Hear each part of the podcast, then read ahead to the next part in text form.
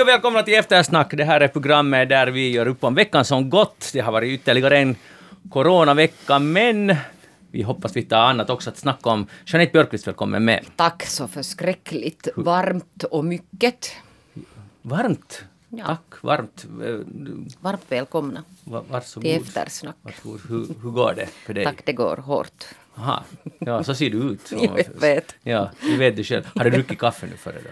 Jag, jag, nej, jag tog faktiskt lite grönt te. Nej, det Ja, gjorde- nej. ja, det gjorde jag visst. Nej, Ja, där ligger koppen. som du har skruttat ihop. Ja, som jag har skruttat ihop. I Så är raseri. det.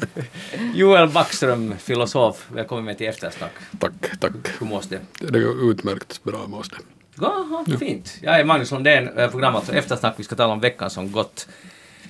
Just det, Finland fixar det. Suomi toimii är devisen för idag. Stämmer det här? Jeanette? Nå, det, där, det finns ju inte riktigt något alternativ så det är klart att Finland fixar det. Visst, nu skulle det finnas en, man skulle ha en devis, Finland fixar inte det. Nej, men ser du, nu ska vi vara optimistiska och se framåt och glöda sån här kämparanda i folket. Har, har du det själv? Nå det där, mm, jag skulle gärna spola kanske lite framåt så där att vi skulle vara förbi det här. Du Känner sk- jag. Skulle du vilja göra det? Jag skulle vilja ja, göra det. det är ganska, ja, jag tror att det är ganska många som skulle vilja fixa det. Finland spolar det. Det skulle Ja. vara din devis. Finland spolar det, inte skulle vara helt dåligt heller. Rapid framåt. Joel, eh, har du delat den här optimismen, eller vad man ska kalla det, eh, sån här kämpa-anda i alla fall? No, jag är nu sådär allmänt allergisk mot all form av så här kollektivt kämpande. Så, så, Du är emot det, helt enkelt? No, nej, det kan man inte heller säga om alternativet alla ska vara deprimerade tillsammans. Men, men bara sånt här att försöka peppa människor tycker att det är helt horribelt i alla dess former. Hej, det är ju jätte, jätteintressant. Varför är det horribelt?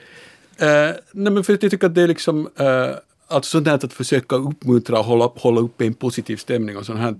Igen förstås om alternativet är att alla bara är deppiga så är det ju in- innan poäng men kan man inte bara försöka se vad saker är och eh, vad de reella möjligheterna för att göra olika saker är och, förstås varför skulle man vara liksom jag menar, nu måste man tro på livet, menar jag på det sättet att man borde vara deppig. Men sån här, att nu alla vi tillsammans, när man ska skapa så här trevlig stämning som till exempel alltid betyder att sen förstörs den så jättelätt. Någon säger något fel eh, eller kommer med något fakta som folk inte vill höra. Sen, sen blir man jätte, eh, ser alla snett på en för att nu kommer man och förstör stämningen. Att på det sättet märker man till exempel hur stämning, alltid så här kollektiv stämning, att den är jätte sådär, bygger på en viss misstro egentligen mot en själv.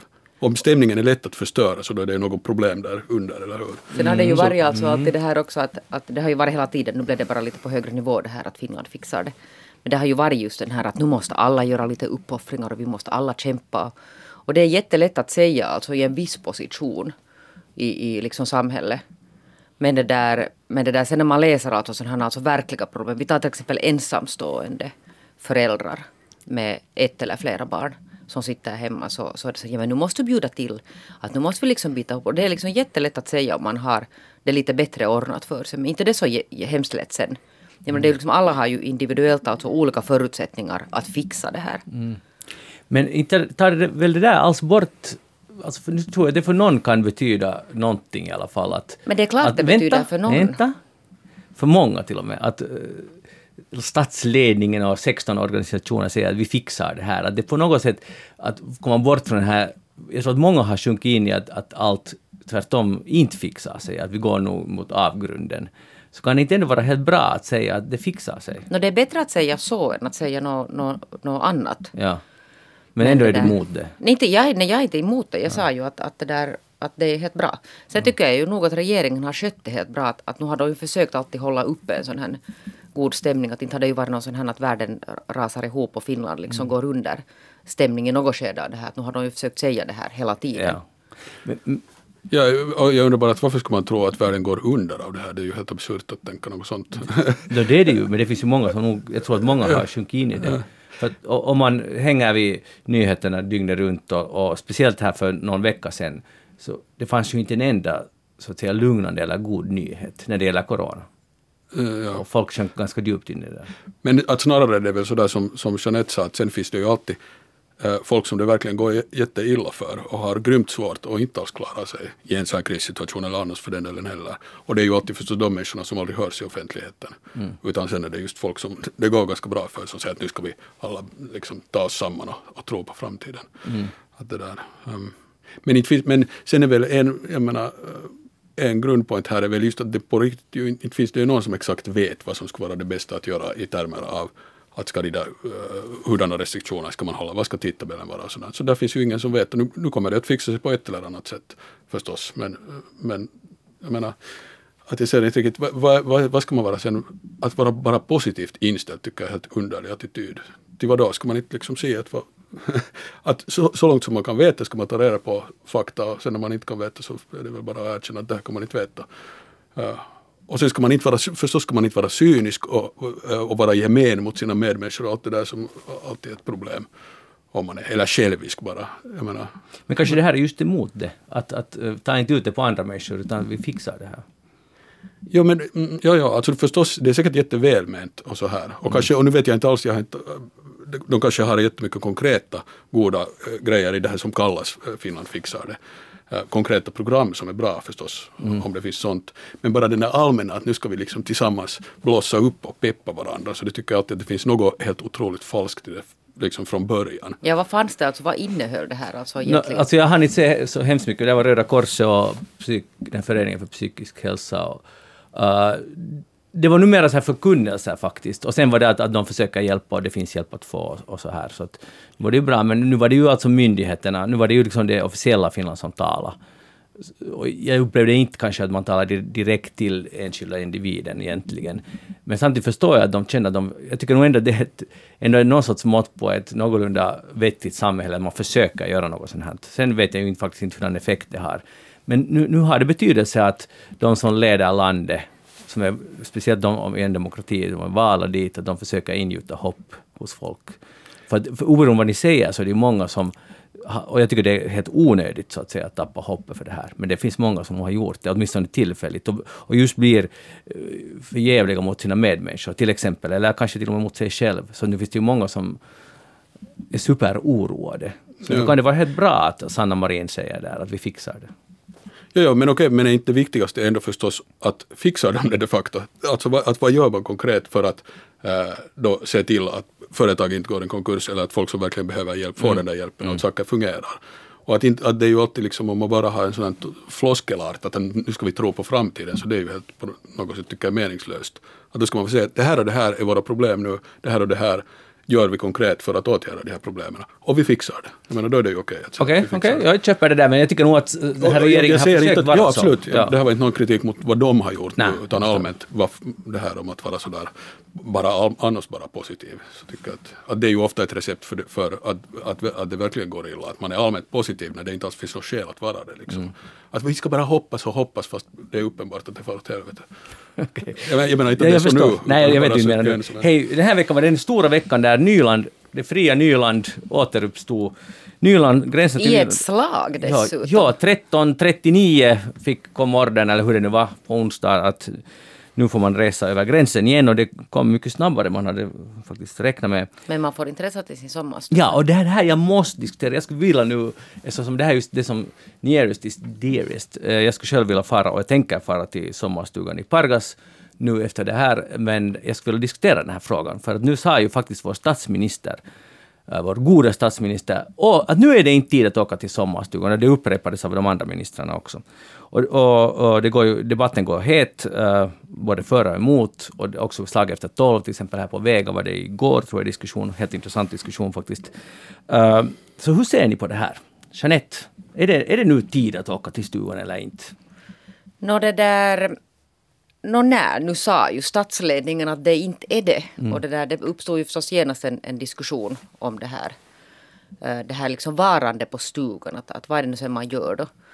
Det där, nu är det ju så att om du vill åka till din stuga, vilket du säkert kommer att göra, så är ju alltså rekommendationen att du ska inte gå alltså till en enda butik i Pargas, utan då fixar du liksom din mat här i det här förpestade Nyland. Och sen kör du raka vägen och så ser du till att du håller dig där och inte har liksom något umgänge med någon. Mm. Och så har du en privat helikoptertur bokad ifall du skulle få en. Naja, jag har alltid utan en helikopter, men det är ju helt klart, jag tycker att om man är ansvarstagande person och man har förstått vad det är frågan så gör man just sådär. Och jag tror att ganska många kommer att göra sådär. Jag skulle vilja se det här som ett exempel på att det igen uh, visar bara hurdan människan är, att vi måste hitta någon syndabock. Nu just, just de här veckan är det kanske stugägarna, någon annan vecka är det någon annan.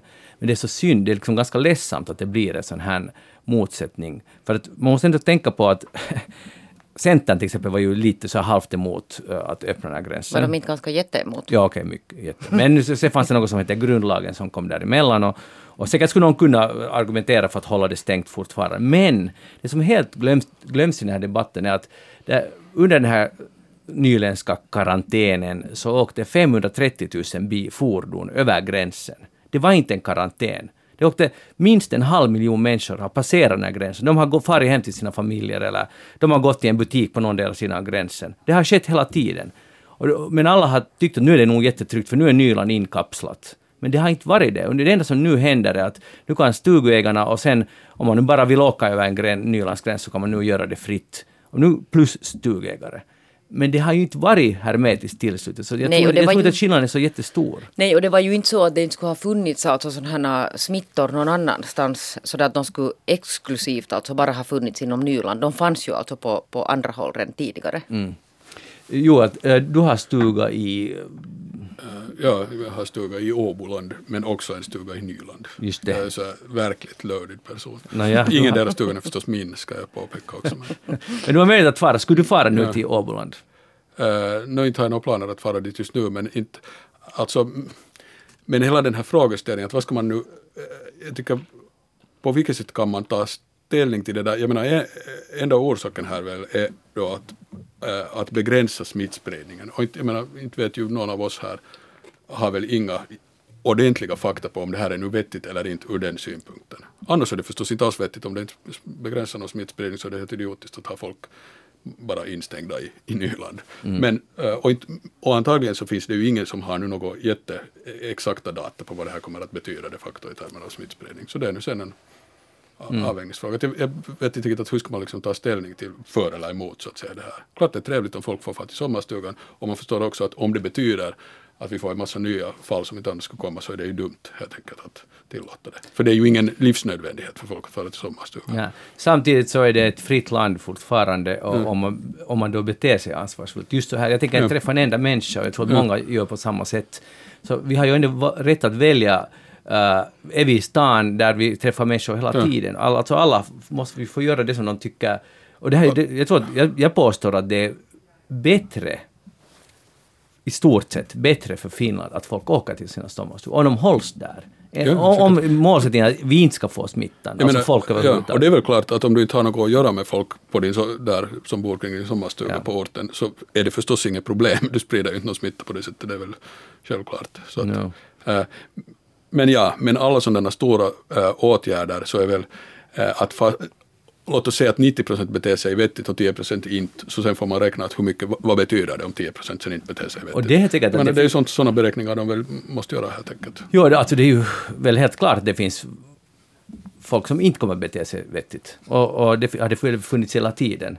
Så I att, hela landet? I hela landet, och inte endast i Nyland. Men det var så vitsigt att det har blivit nu en viss grupp, det skulle kunna vara österbottningar eller det skulle kunna vara åbolänningar, vad som helst. Men man måste alltid vara reagerande, bli en sån här vi mot dem-konstellation. Det tycker jag är den viktigaste lärdomen här. Men det som är ju synd sen att man, man som stugägare skulle man ju gärna använda sina små slantar i det lokala samhället och inte köpa sin mat i Helsingfors där marknaden säkert klarar mm. sig bra annars också. Men nu ska man ju inte då göra det. Men, men, men det, det är ju det som, nej, och sen kan man köpa några matkassar och sånt men det blir, känns bara lite besvärligt om man bor så där långt borta som vi nu råkar göra. Så att, uh, ja, jag skulle bara hoppas att alla skulle relaxa här i den här frågan, för jag tror inte att det kommer att... De här det kommer ju att sprida sig i Finland oberoende, fast vi skulle ha hållit den här så kallade karantänen som då läckte som ett såll, så skulle det ändå ha kommit. Det kommer att göra det. Det, det är nästan on, eller det är oundvikligt. Ja, sen måste man komma ihåg att det finns ju stugägare från andra orter också. Att folk ja. rör, har ju nu alltså rört sig ganska sådär hej vilt där, alltså utanför Nyland nu här medan vi har varit då inspärrade här. Ja. Och sen är det ju klart att det här med eh, belasta sjukvården, så det, det är förstås så och inte en helikopter, men att om man ens lite någon i familjen börjar känna sig sjuk så måste man ju sticka därifrån snabbt. Det är ju bara två timmar att komma hem. Eller en timme innan, ja, i innan förnyelsen. Alltså. Ja, ja, men, mm. ja, i vart fall. Men om man nu har i Pargas så är det två, två och en halv timme så är man, så är man hemma. Alltså är man innanför Nyland. Det är klart att folk sticker därifrån. Jag tror att någon vill, nu blir jag nog här och belastar. Utan man bara sticker. Och sen Så måste man förstås komma kan det bli akuta fall, men det kan det alltid bli. Jo, och största delen som det där får den här smittan belastar ju in sjukvården. Det måste vi också komma ihåg. Det är sådär som att, att genast om man får en coronasmitta så ligger man alltså där i, i en sån här respirator. Och det är ju alltså inte så. Det verkar, alltså de flesta klarar ju det med ganska milda symptom. Så är det. Tror ni ni har haft det annars? Ingen aning, men jag skulle jättegärna testa mig. Joel? Ja, alltså eh, jag vet inte heller, nu är det möjligt. Jag var nog flunsig då tidigare så kanske jag haft det. Men, eller det så- går en massa andra förkylningar också. Exakt, så det behöver inte alls betyda.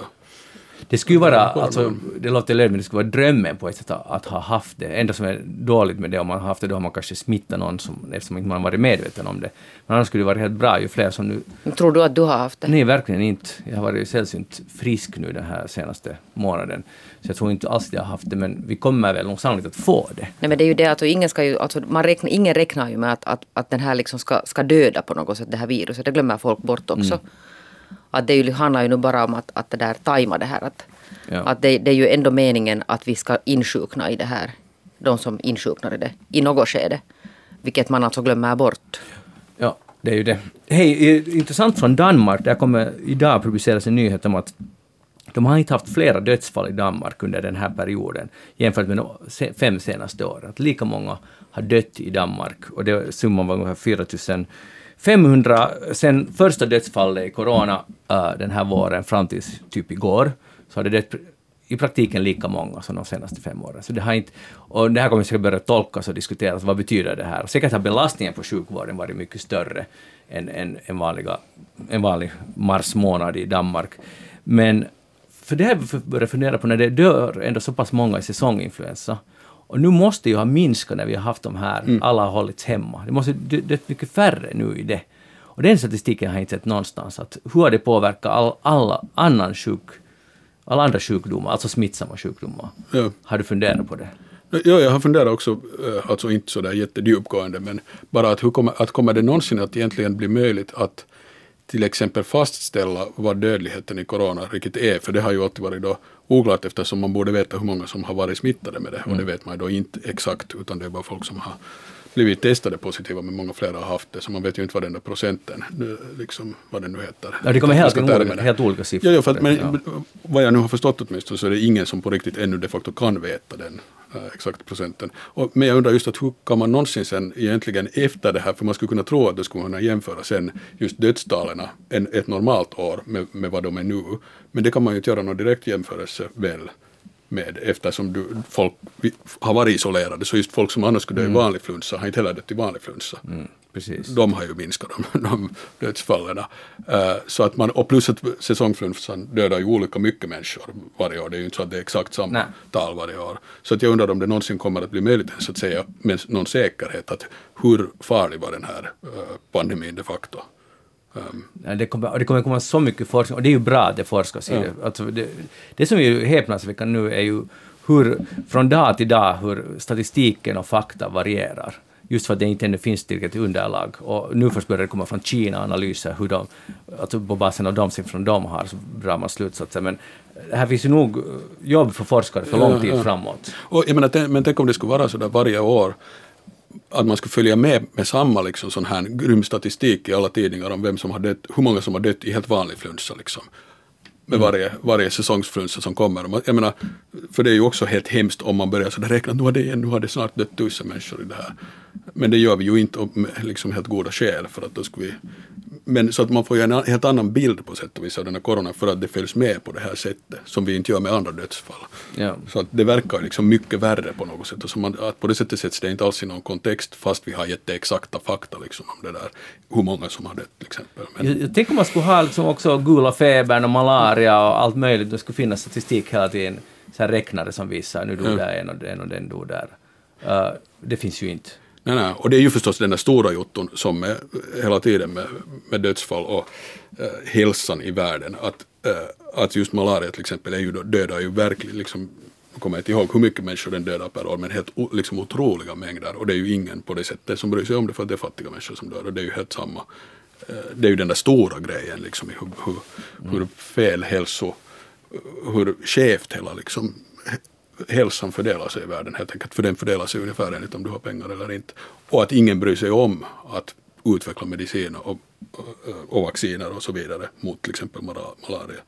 För att det, men det finns ju malariamediciner. Jo, jo, det finns ja. mediciner men, det, men liksom inte alls den massiva satsning på det som det skulle vara om det skulle vara en välfärdssjukdom. Nej, för tänk på, på de, nu är det alla ledande läkemedelsbolag racear nu för att hitta vacciner för, ja. för corona. Och den som blir först, tänk vilket värde det vaccinet har. Alltså rent kommersiellt.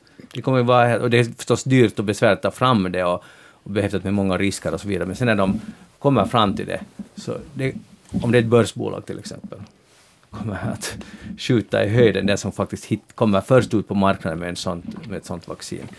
Hej, äh, det, hur mycket brukar du sporta vanligtvis före corona? Hur mycket jag sportar? Nå sådär kanske tre gånger i veckan. Ah, Okej. Okay.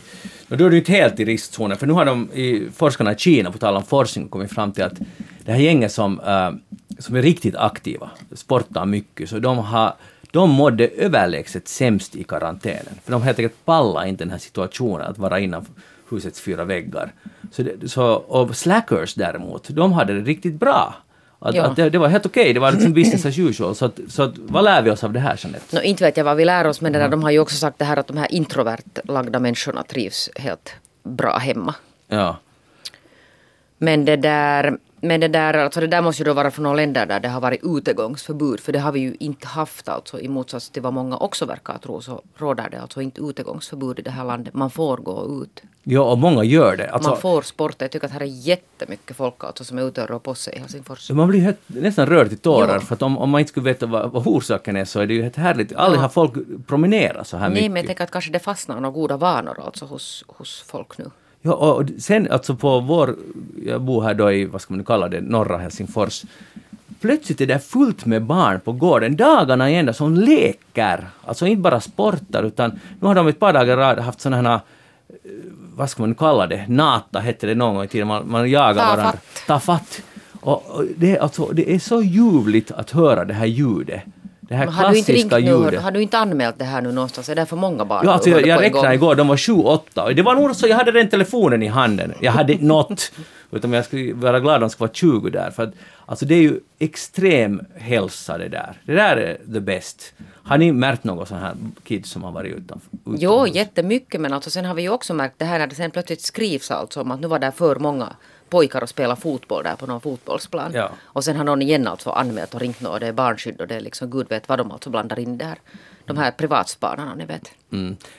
Ja, och det, här, det här skulle jag önska att de här människorna som sysslar med privatspaning... Gå ut och promenera istället. Ja, ut och promenera och lyssna på det här Vi fixar det, de här eh, tjafset som Joel kallar det. Lyssna på det, för det kanske ligger något i det. Att, att istället för att ange andra, gå ut på promenad och tänk positivt. Men jag råkade ju ut för det att jag steg ut ur min, alltså från vår hemdörr och så skulle jag gå alltså till, till bilen som var snett alltså där då på andra sidan gatan. Mm. Och där kom alltså ett sånt äldre par, alltså kvinnan hade sådana, vad heter de här, stavgångskäppar, de här stavarna. Och så såg hon liksom att nu kommer där någon ut från den här dörren så jättefart alltså hoppar hon då liksom med gubben över där och, och ginar över den här gatan. Och de gick alltså rakt mot min bil. Mm. Och jag gick ju förstås efter eftersom jag var på väg till min bil och hon blev jätteprovocerad. Och så började hon mm. vet, sådär som man fräser liksom för sig själv åt sin gubbe. Att kan inte människor hålla distans? Kan inte människor? Mm. Att måste komma för så tänkte jag, jag tänkte så att jag borde bara ha sagt men kom inte hit på min gata om, om, om inte jag liksom får röra mig här. Mm. Men förstår du, det finns jättemånga sådana här som är på något sätt liksom, det, känslorna är så... Du borde ha nyst och hostat där bakom. No, det är ju det vad man borde ha gjort. Hon, skulle, hon gick alltså, när de fortsatte och så vidare, hon tittade alltså bakåt. Hon var alltså jätteupprörd på mig. Men det är känsligt. Och då var jag alltså äh, någon sådär två meter alltså ifrån dem. Och de var på väg bort och det blåste så att mina, mina potentiella coronabakterier kom nog inte på dem. Nej, men det är det där den där att det så, ligger så under och, och plötsligt så, så förstår jag ännu lättare, jag vill inte alls jämföra det här med Jugoslavien och Rwanda, men man börjar förstå mekanismerna. Alltså, för, du vill inte, men ändå sa du det där. Ja, men förstår ni att det är liksom, de är avlägset släkt, att plötsligt är alla fiender. De där mm. som, vi har alla varit med, medborgare här, och sen är det plötsligt en Jeanette som närmar sin bil, du är liksom, eller så är det stugägare, så är det något annat, whatever. Att man är misstänksam mot alla andra, man är själv liksom ren och osmittad och ens fru eller man är det också, och ens barn. Men alla andra är potentiella hot. Och det är en ganska farlig värld. Det är mycket farligt och jätteosund utveckling för att som sagt så det, det är inte alltså ett evighetsprojekt det här att, att det där hålla på med de här åtgärderna. Att vi kommer ut ur det här och då ska vi vara helt sådär lyckas leva och trivas tillsammans igen. Ja. Joel, har du suttit mycket i videokonferenser och möten och sånt? Eh, en del jag faktiskt jag eh, skötte min undervisning på universitetet per videokonferens. Okej, okay, hur funkar det?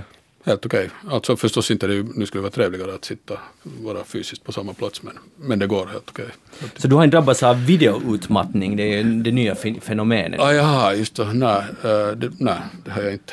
För där är, det, jag läste en sån et, etikett och livsstilsrådsspalt i någon brittisk tidning. Det var en som skrev att, att hon är helt slut, för att först sitter hon dagarna ända i videokonferenser, möten och, och, och man ska vara taggad och sminkad på rätt sätt och belysningen och allt det där. Och sen på kvällen så hennes polare har då flippat för de vill hela tiden umgås, alla ska nu umgås. Och till exempel ett gäng så vill det är helt nu spikat, de måste varje tisdag ha en tre, fyra timmars session där man ska umgås med sina kompisar via video. Och, och nu undrar hon att vad, vad ska hon göra? För att hon, hon har en sån extrem utmaning att hon fixar inte mera.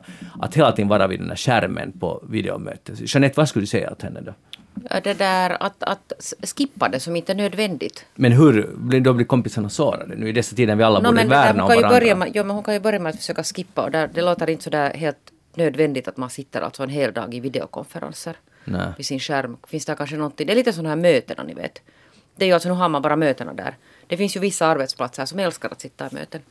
Det är liksom från det ena mötet till det andra mötet och då kan man ju ibland fråga sig att är alla möten nödvändiga? Vi får ställa frågan till Joel, är alla möten nödvändiga? Nej, jag skulle säga att möte hör ju till ett av de mest destruktiva uppfinningarna i mänsklighetens historia, som liksom idén om ett ja, möte. Det där kan jag faktiskt hålla med om. Att det, det skulle vara intressant, säkert 99 procent av alla möten är helt onödiga. Ja, men vad, hur ska man lösa det? Säg bara så jag vet. Om vi skippar möten från och med nu.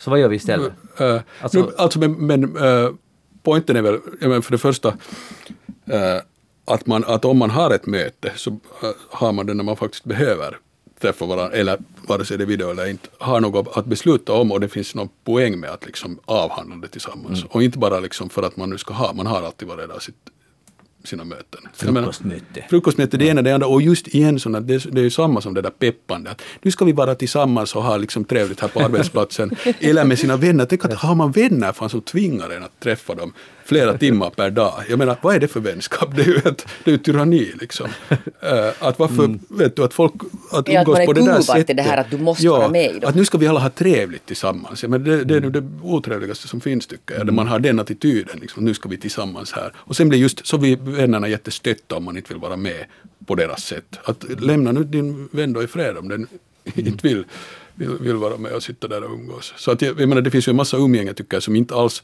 som är bara sådant för att upprätthålla just igen en sorts stämning och sådär. Inte för att man skulle ha något att liksom komma med åt mm. varandra. Mm. Eller på riktigt vilja vara med varandra. Jag menar, då är det ju inte något problem förstås. Det är, det är så påtvingat umgänge helt enkelt. Mm. Som man påtvingar sig själv, det är ju inte någon annan som gör det. Fast förutom om det är möte, arbetsplatsmöte, alltså jobbmöte, så är måste man ju vara där. Om man jo, jo, men, men igen, men då skulle man kunna fråga sig det på arbetsplatsen att behöver vi verkligen de här mötena? det är ju ändå de som påtvingar det sig själva, arbetsplatsen som kollektiv menar jag.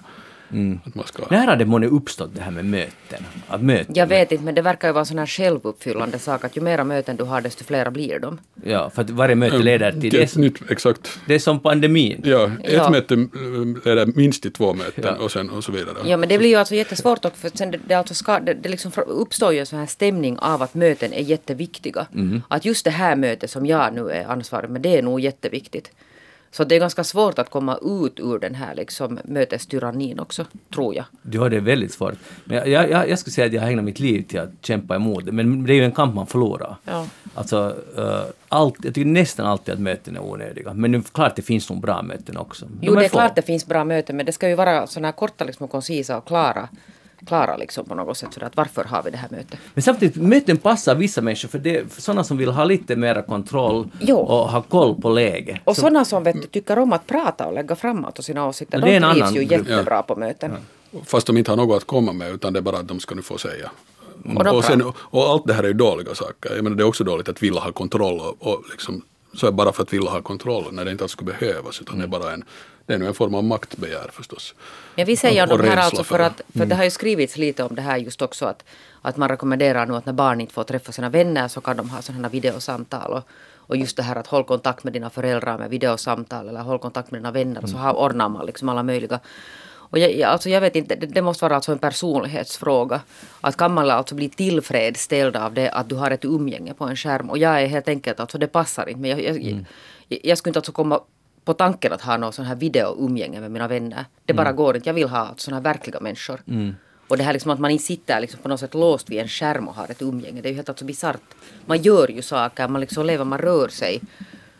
Men jag säger att det, att det går nog att umgås eh, men det i dessa det tider. går, det, alltså det, är- alltså. det är ändå bättre än ingenting. Det, Nej men man kan gå, vet du, man får ju gå ut på en promenad. Visste Man får. det? Ja, man får. Hej, vi skippar det här. Jeanette Björkqvist, vad har du tänkt på den här veckan? Nå hör du, hör du, jag har ju varit där lite ute nu på fältet och jobbat. Jag har nu inte alls suttit där och, och det där låst in mig. Och, och jag har hängt alltså väldigt mycket på stan bland sådana här människor som hänger där, alltså det vill säga bostadslösa och, och diverse sådana här människor som har olika problem som gör att de inte där stannar inne utan de hänger omkring där. Det här har nu jag hållit på med alltså nästan en månad. Eh, särskilt alltså där kring de här metrostationerna och järnvägsstationerna och shoppingcenter, ni vet, där det nu finns alltså varma platser dit man kan gå. Och då har jag ju liksom på något sätt också tvingats följa med de här väkta, privata väktarfirmorna som har fascinerat mig alltså ganska länge. De här som på något sätt bara kom någonstans ifrån och så började de få liksom mer och mer sån här kontroll över, över offentliga utrymmen. Som plötsligt alltså blev till någonting som kallas halvoffentliga utrymmen, till exempel järnvägsstationen. Och det där och det är nog liksom ett jätteintressant fenomen det här för att, för att jag måste sen riktigt börja läsa in mig på det här. Att det är ju liksom explosionsartad, alltså tillväxt av de här. Det är ju en enorm business, alltså sådana här privata väkta företag. Jag läste just att var det, eh, 2018 så var deras sammanlagda omsättning i Finland 875 miljoner euro. Vilket alltså är mer, Tjoho. vilket är mer alltså än polisernas anslag sammanlagt. Wow. Och, och det växer alltså, det var 2010 var det eh, 300 miljoner. Så att då på liksom ungefär några år. Så ganska stor kraftig ökning. Och det har ju varit alltså i flera etapper så har det varit alltså det där diskussion om de här, vilka befogenheter ska sådana här, man har, man har alltså gett mera befogenheter åt dem. Att de får väl till viss del eh, använda maktmedel. Och det där nu när jag då har som sagt alltså eh, sprungit omkring där på fältet så har jag ju fått se att de faktiskt använder maktmedel också ganska sådär oprovocerat. Ko- Sådär konkret till exempel. Nå, till exempel att man det där river tag i folk och liksom släpar dem på golvet ut på, på gatan utan att de nu egentligen alltså har gjort någonting. Att det finns liksom vissa, jag tror att det finns alltså jättebra väktare. Vi har träffat sådana också. Så finns det sådana som alltså helt enkelt är där för att kanske få konfrontera. Och så börjar jag sen att söka att finns det inte liksom någon sån här, alltså den här övervakningen av dem är ganska, mm. ganska så här bristfällig. Att de, de liksom på något sätt liksom agerar parallellt med polisen men de är ju inte förstås alltså polismyndigheter. Polisen är liksom en helt separat alltså ordningsmakt. Men sen alltså någonstans liksom på vissa plan så flyter det ihop allt det här. Och det är nog alltså jätteunderligt att det inte har förts sådana här ordentliga, alltså djupa diskussioner om den här saken. Jag säger inte att man inte ska ha väktare och privata väktarfirmor, de fyller säkert en funktion. Men att, att man inte liksom i något skede har problematiserat. Jag hittade sen alltså någon avhandling vid Vasa universitet, några år gammal, där man alltså då på 400 sidor har försökt gå igenom på något sätt den här juridiska. Och det görs ju alltså ganska mycket klagomål på dem.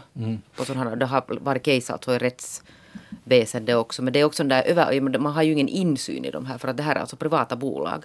Men då när den här lagen kom, så då var det nog snack om det, när de fick de här vissa fullmakter och kanske det här var på 90-talet eller var det senare. Då, då kommer jag ihåg att det var nog mycket snack om, för det var ju ett relativt nytt fenomen. Jag tror att vi var just ungefär, eller jag i alla fall var typ 20. Men när- det har kommit kom. sen alltså förstår du till lite befogenheter här och lite där. det.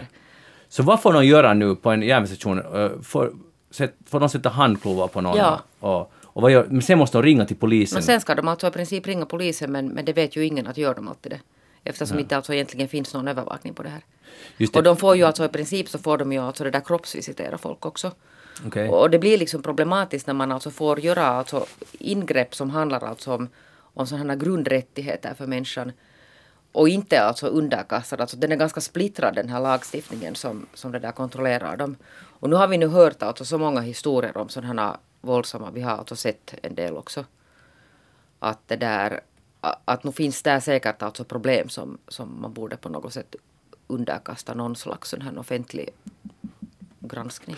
Men, men har, du, uh, har du stött på något fall där, uh, jag antar att de här människorna som, uh, som du nu har no, de är lite haft att göra med, så de är förstås A stökiga och B antagligen inte särskilt benägna att sen gå till exempel till polisen eller väcka åtal och försöka få sina rättigheter. Nej men ser du, det, det fina är ju det att de har Om ju de nog, blir illa behandlade ja, men det, det har ju eller? nog försökt göras men inte lyssnar ju någon på dem om de berättar att nu blev jag riven av vaktmästaren, så, eller den här väktaren, så att min, min liksom axel gick ur led. Så inte lyssnar ju någon på dem, för de är ju lite råddiga. Alltså det är ju, Jo, vem skulle föra deras sak dessutom? nej, det är Alltså, missbrukare och det är ju det där liksom alkoholister och, och sådana här typer.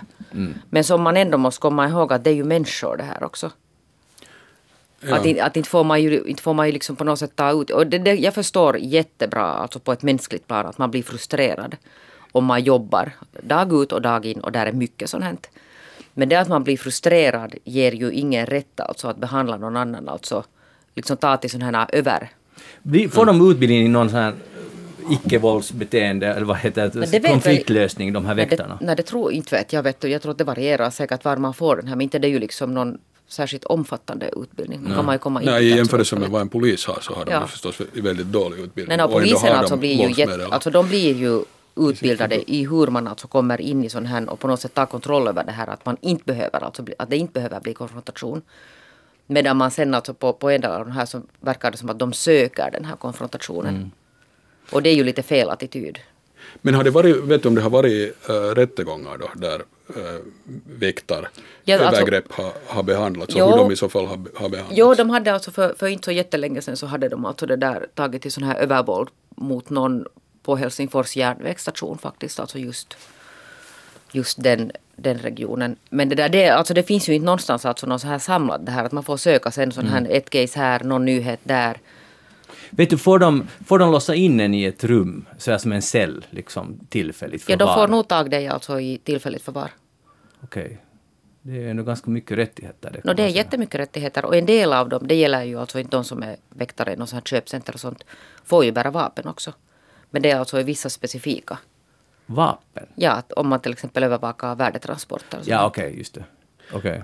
Men, men här finns ju förstås den allmänna äh, liksom frågan, eller att det blir ju så att om man inte vill bekosta, äh, om man vill skära ner i den offentliga servicen, till exempel poliser, så då måste de ju förstås ersättas till en del med privata väktare och då får man de här problemen att du har nå- någon som inte är en myndighet men som ändå kan bruka våld mot medborgare.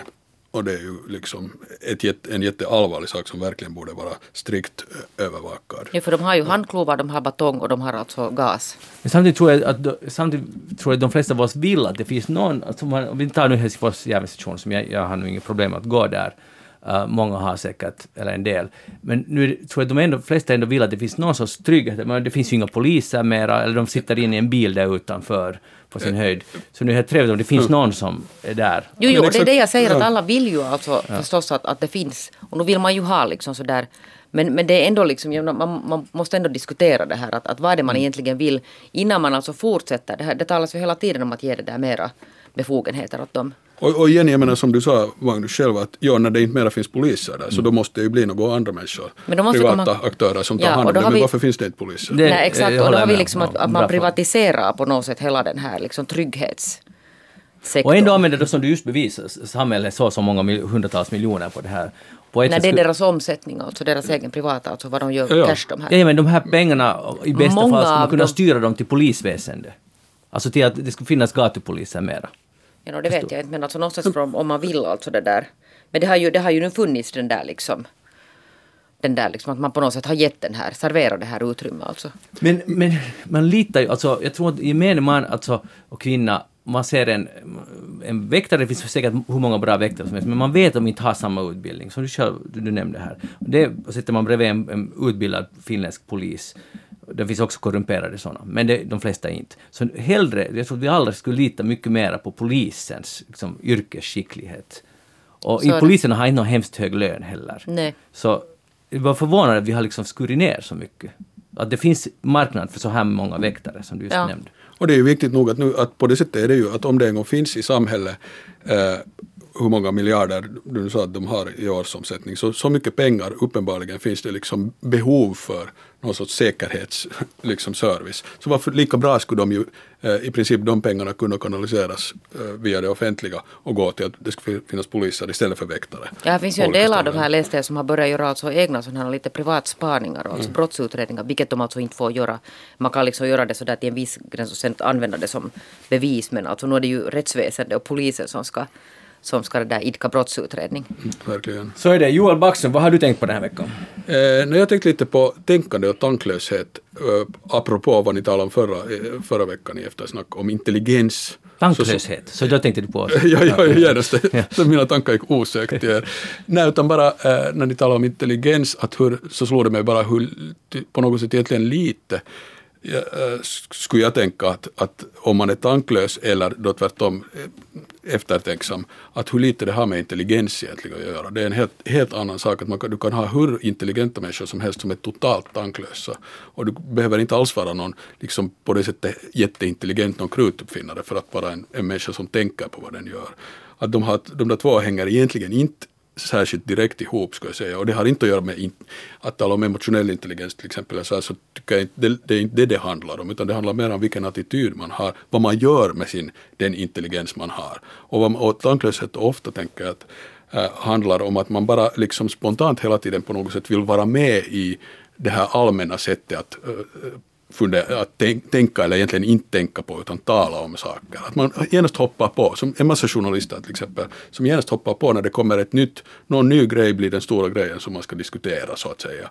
Och sen hoppar alla på samma tåg utan att fråga sig att är det här på riktigt en viktig diskussion och är det just så här som den, borde, den, den här frågan borde diskuteras. Jag menar, man kan ta vilket exempel som helst på det. Som jag skulle säga, det är just vad tanklöshet så där i grunden är, att man är bara benägen att hoppa på det där samma tåget som verkar vara på väg, tidsandan som är på väg liksom åt något visst håll och sen hoppar den och är på väg eh, imorgon åt något helt annat håll och då hoppar man lika ivrigt på nästa tåg utan att alls liksom fråga sig att är det, finns det något riktigt vett i det här. Och då om man, om man är jätteintelligent så kommer man lika mycket att hoppa på nästa tåg. Då kommer det bara att liksom låta lite annorlunda. Sen är man jätte på ett jätte sådär fiffigt och klatschigt sätt kan man sitta och, och, och liksom orera om det här samma som nu har blivit den stora frågan. Och sen kan man kokettera för att man är liksom smartare än resten. Men lika jävla tanklös som hela resten av bunten. Och det här har ingenting med intelligens menar just att, göra egentligen. Utan vem är det som... eh, vad, är, vad är motsatsen till att agera tanklöst? Tankfullt?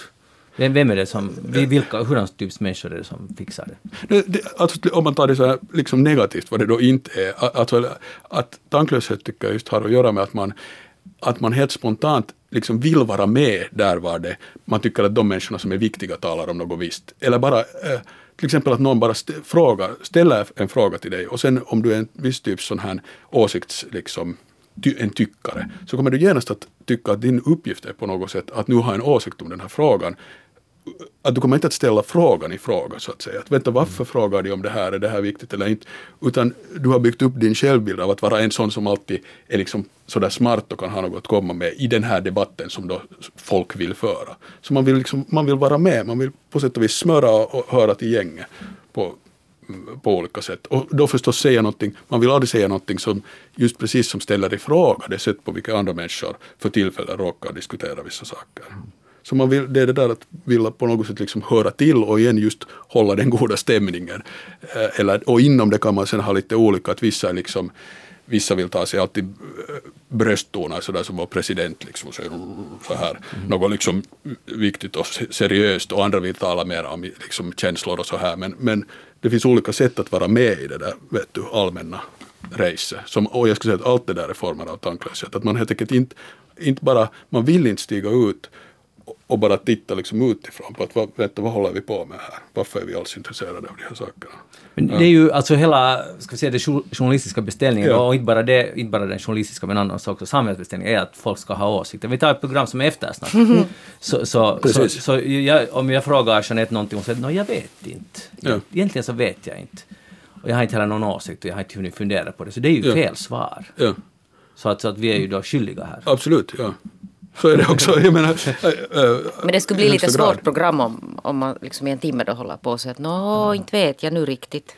Fast men, ja, alltså förstås det är ju inte, blir ju inte något intressant radio om alla bara säger att jag vet inte. Men utom att sen kan man ju fundera, då blir det ju till exempel en fråga att varför, varför frågar du om det här? Vet du själv när du frågar? Eller, att nu finns det ju man kan, det finns allt möjligt annat som man skulle kunna diskutera. För det är ju inte så att det inte finns någonting som man inte vet något, som man vet något om. Så att om man liksom lite skulle fokusera på det man vet någonting om, eller det, det där det finns saker att fundera på. Och, men det är det som är liksom också en del av den här ska jag säga, dominerande tanklösheten, att man, man inte tänker på det, att, man, att det faktiskt finns saker som man på riktigt själv skulle kunna tänka efter och säga att vad förstår man och vad, vad, vad vet man och vad förstår man på riktigt. Att man, mm, jag menar, ta till exempel hur man eh, ofta uh, förhåller sig till sådana liksom talesätt och sådana just så här. Att man eh, säger ja det är nog så, det är så sant att det är si och så, att det, äh, gräs är alltid grönare på Bättre andra sidan. Bättre aldrig. sent än aldrig. Den här sortens totala floskler och idiotier. Man bara, alltså, igen, de har alla, det är inte att de förstås aldrig skulle ha någonsin sanning, utan man bara använder det på det sättet att det är liksom för att klippa av alltid en diskussion. Att vi visste ju egentligen ren. Vi har hela tiden vetat att så här är det. Så vad det än kommer för nya saker så vet man egentligen hela tiden vad det handlar om. Så varför ska man alls diskutera om man har den attityden? Liksom? Men eh, förstår Men jag, tycker jag om, menar? jag, jag förstår Men- vad du menar, samtidigt så jag tycker om människor med åsikter. Jag tycker det är Jo, ganska roligt att diskutera människor med åsikter. Men, men jag, sen finns det ju åsiktsmaskiner, man märker hur tomt det är. Att, att det bara kommer. Ja. Och, och sen, det som är, om vi nu talar om journalistiken, så, så det finns ju program där samma människor, kändisar, blir inkallade bara för att de har, vet, de har, de har ändå en åsikt. Utan att man alls reflekterar det. Ja. Över var, vilken åsikt de kan tänkas representera. Utan den där personen man vill ha dit för att den kan snacka om vad som helst. Ja. Och ha en åsikt om vad som Ja, ja, och sen har, har man ju alltid sin, att det som man skulle ha sin åsikt redan och sen är poängen att försöka försvara den istället för att säga att, att så här har jag tänkt på det och sen skulle jag säga att nej, det, är helt, det är ju annorlunda och, och då skulle jag kunna liksom ändra min åsikt. Det skulle väl vara mycket vettigare att inte tänka att det är något som, att det här är liksom eh, min prestige hänger nu på att jag försvarar min åsikt. Varför ska jag alls ha en sån åsikt? Det låter helt galet. Att snarare borde man väl vara att fundera på den här saken och sen ser vi från var vi hamnar när vi har diskuterat den. Och då blir det vår åsikt liksom. Det där är sant, att hur många är det som säger att ja, jag har inte tänkt på det där, men nu, nu byter jag åsikt. Alltså det är ju väldigt ovanligt. Eller ta det här med, med talesätt och sådana liksom, äh, äh, ordspråk och sånt. Som, det var någon av er förra gången då när ni diskuterade intelligens så kom det det här med vet du, det här att i varje äh, österländsk matta så finns det ett fel. Liksom, för det, det, äh, det är något sånt här talesätt. Att man, äh, vet, ni, poängen är liksom då på något sätt att äh, när, ingenting ska vara perfekt utan det ska finnas en, en imperfektion i allt. Och då, okej, och det, där finns ju något att fundera på, att varför är det så och vad betyder det här? Istället för att bara slänga fram det som är så jo, jo, det är ju nog så att till och med i en perfekt, den här mattan så ska det finnas någon imperfektion. Vad betyder det? Det finns jätteintressanta, nästan alla talesätt tycker jag är på det sättet att det finns något som är sant och sen mycket som inte alls är sant på något sätt. Och det skulle, då skulle man kunna, istället om någon säger det, fundera att vad är, vad är sant här och vad är inte sant? Vad, på vilket sätt, varför är det viktigt att det finns något fel i den här, vad, vad skulle hända om den här mattan skulle vara perfekt då? Vad är problemet med det? Men, men så brukar man inte använda talesätt utan det är istället som om de redan skulle liksom säga allt som behöver sägas. Ja, ja, det är ju så att varje matta har den där Men är det bättre sent än aldrig? Stämmer det? Eh, bättre sent än aldrig. Ja, vad, skulle du, vad tänker du på? Vad, vad borde det stämma? Alltså, Så gäller det i alla fall, alla, alltid. Kan man, alltså kan man, är det legitimt att använda det som ett tal, talesätt? Alltså för, för, förstår ni, om, om vi ska börja ifrågasätta de här, vilket jag tycker låter Ja. helt sunt, Ja. Så måste man börja fundera på att är det, är det bra? Är de här, finns det sanningar i de här? Ja, det är bättre sent än aldrig vet jag. Jag menar, det är väl sådär att förstås om det är något uh, vettigt som äntligen har blivit gjort så är det ju bättre sent än aldrig. Men då skulle man ju snarare kunna fråga att varför hände det inte tidigare? Exakt. Ja. Att man brukar ju använda det som om det, så nu behöver vi inte mer bekymra oss för nu hände det här bra ju ändå, så bättre sent än aldrig. Och, och då ska man då inte fråga sig att varför tog det fem år för dem att göra det här vettiga. Uh, eller med den här imperfektionen, att varför är det vad är den här idén om att vi är, för den är ju inte vanlig idé, eller vad det är på något sätt något omänskligt om man skulle vara perfekt. Att det är bra att man inte liksom eh, Men varför, varför gör man ändå en matta och lägger in Ja. fel? Alltså, vad, vad, vad skulle du tro?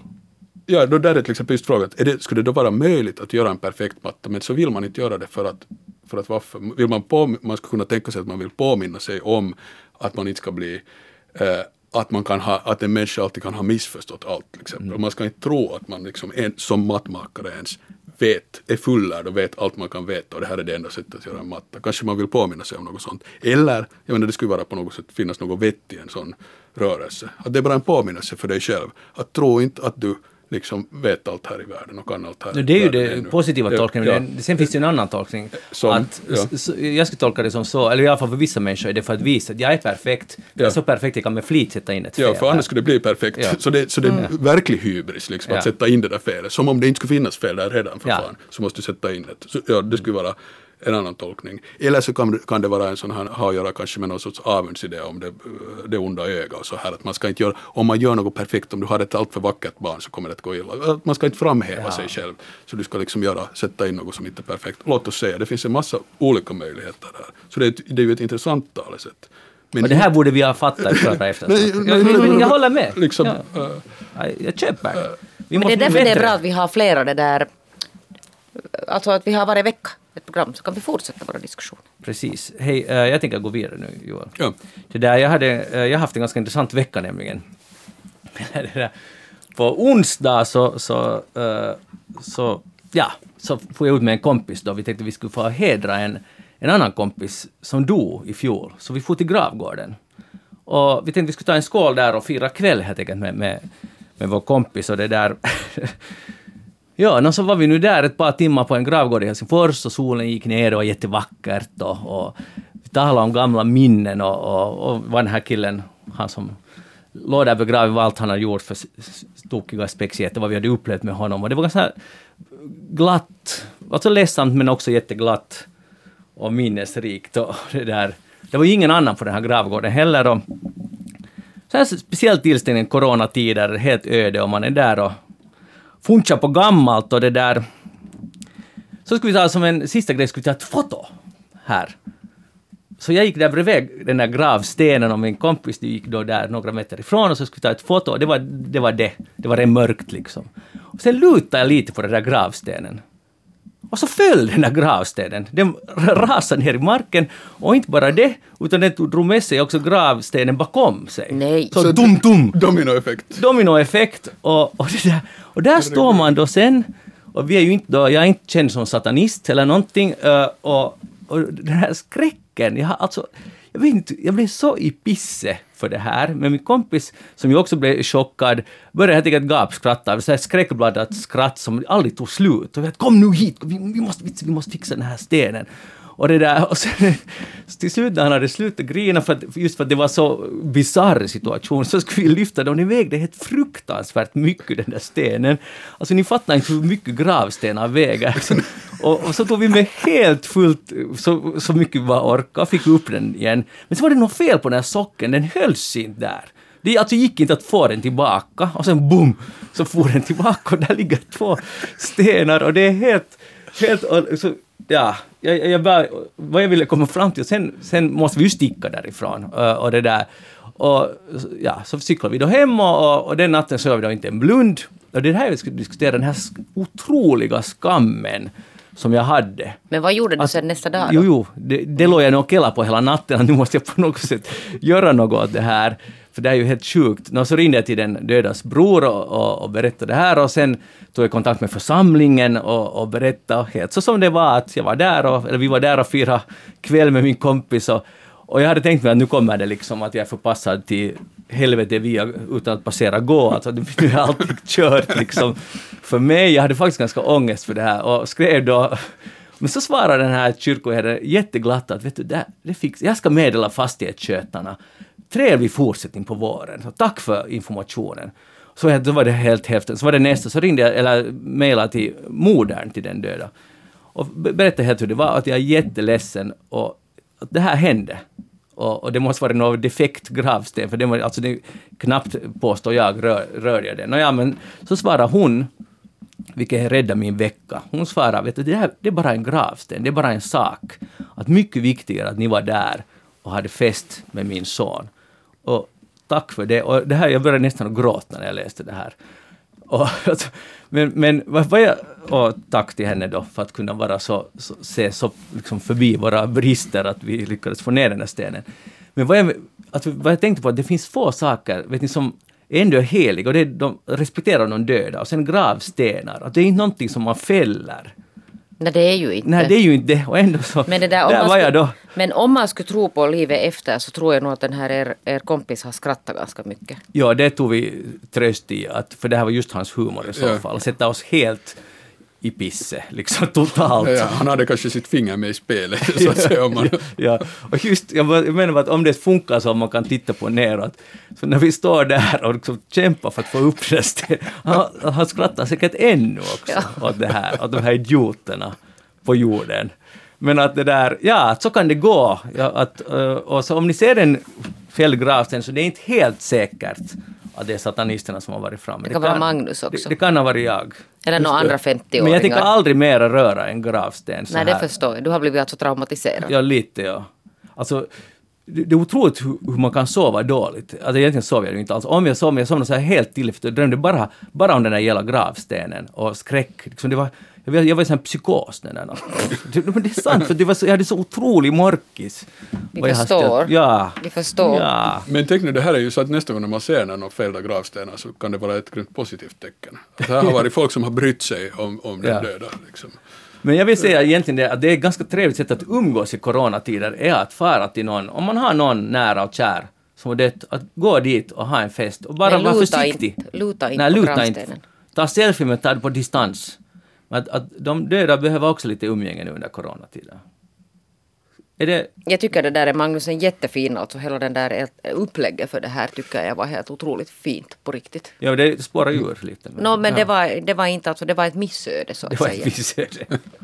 Med dessa ord, äh, minns alla de som är viktiga för er på ett eller annat sätt. Var försiktiga, vara out there, för det kan gå tokigt. Jeanette Björkqvist, tack för att du var med i eftersnack idag. Tack, det, var, tack. det var ljuvligt som Ja. vanligt. Och när får vi se någon ny? Uh, något Ja, det kommer här under våren. under våren? Ja. Man kan nytta av din artikel i Hesari som det var i kan förra, man ju faktiskt förra lördagen. Oh yes. Väldigt fint reportage. Och Joel Backson, tack för att du var här. Lycka till med distansundervisningen. Och Tack. Kom ihåg att sminka dig och sköta om belysningen sen i nästa omgång du har. Japp. Jag heter Magnus Lundén, eftersnack är slut för idag. Vi hörs igen om en vecka. Ha det bra tills dess. Hej då!